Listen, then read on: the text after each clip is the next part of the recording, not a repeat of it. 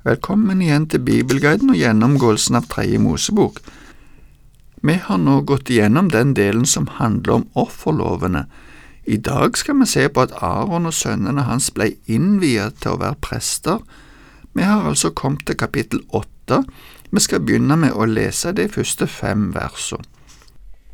Herren sa til Moses, Hent Aron og sønnene hans, ta presteklærne, salvingsoljen, synofferoksen, de to værene og kurven med usyret brød. Kall sammen hele menigheten ved inngangen til telthelligdommen. Moses gjorde som Herren hadde pålagt ham, og menigheten samlet seg ved inngangen til telthelligdommen. Moses sa til menigheten, Dette har Herren pålagt meg å gjøre.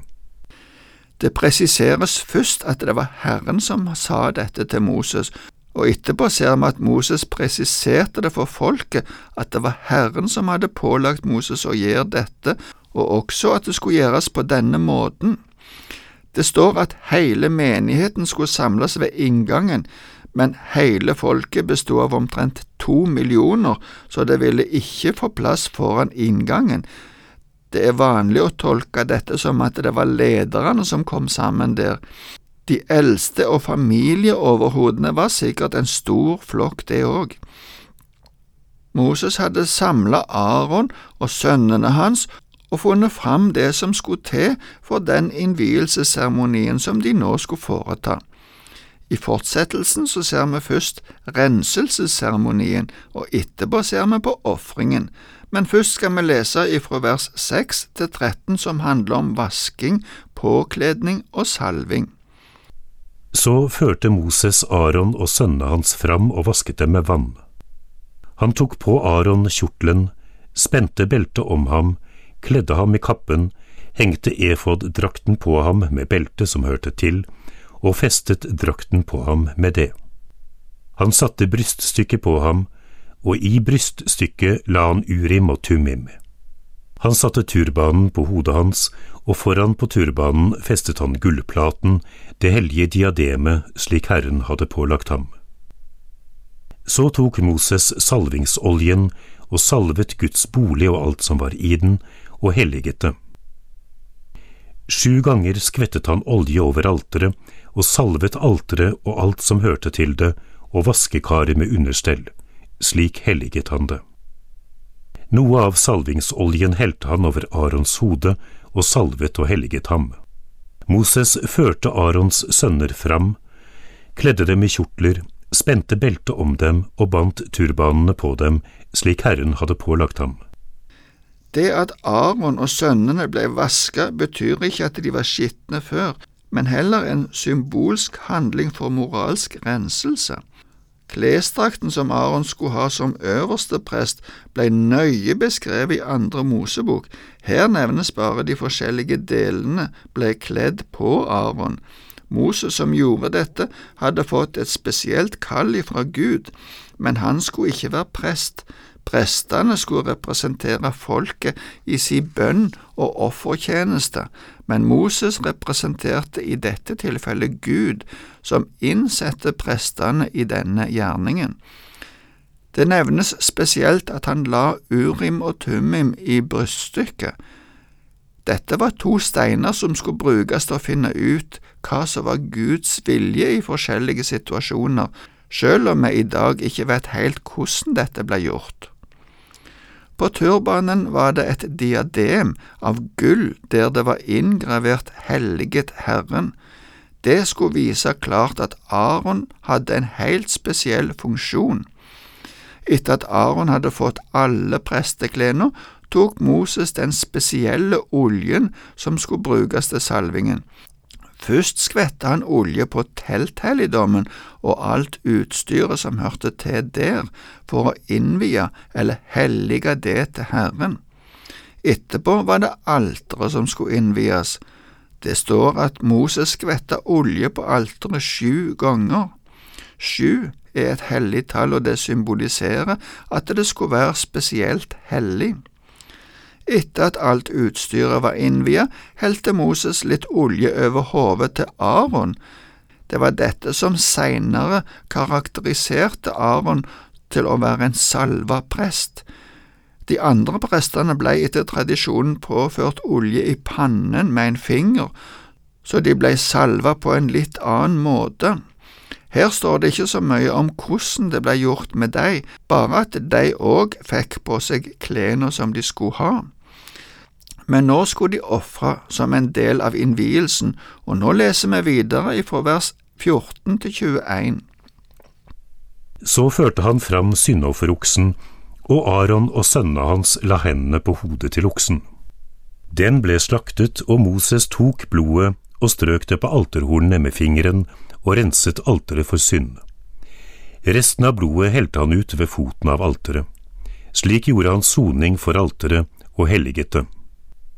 Så tok han alt fettet på innvollene og leverlappen og begge nyrene med fettet som var på dem. Moses lot det gå opp i røyk på alteret. Men oksen med skinn, kjøtt og mageinnhold brente han i ilden utenfor leiren, slik Herren hadde pålagt ham. Så førte han fram brennofferværen, og Aron og sønnene hans la hendene på hodet til væren. Den ble slaktet, og Moses stenket blodet rundt om på alteret. Væren ble delt opp, og Moses lot både hodet og stykkene og fettet gå opp i røyk. Innevollene og beina ble vasket med vann. Så lot Moses hele væren gå opp i røyk på alteret.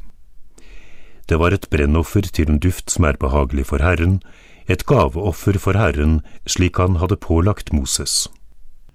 Først ofra de et syndoffer, der Aron og sønnene hans la hendene på hodet til oksen, for på den måten å overføre sine synder til oksen og slik få tatt det bort. Så blei oksen ofra etter de lovene som vi så på sist gang. Etter det ofra de enhver til brennoffer. Også her la Aron og sønnene hans hendene sine på hodet til dyret for å markere full overgivelse til Herren. Så blei det ofra etter forskriftene. Etter dette kom det spesielle offeret som gjaldt innvielsen, vigslingen som det står her.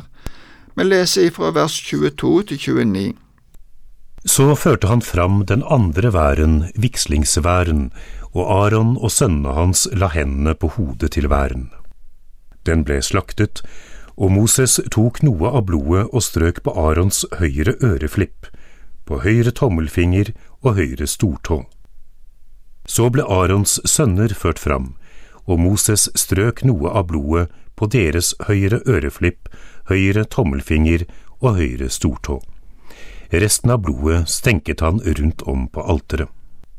Han tok fettet, både fetthalen, alt fettet på innvollene, leverlappen, begge nyrene med fettet som var på dem, og dessuten det høyre låret. Fra kurven med usyret brød som sto for Herrens ansikt, tok han en rund, usyret kake, en oljekake og et flatt brød, og la det på fettstykkene og det høyre låret. Alt dette la han i hendene på Aron og sønnene hans, og lot dem svinge det som et svingeoffer for Herrens ansikt. Moses tok det av hendene deres og lot det gå opp i røyk på alteret sammen med brennofferet. Det var et innvielsesoffer til en duft som er behagelig for Herren. Et gaveoffer for Herren var det.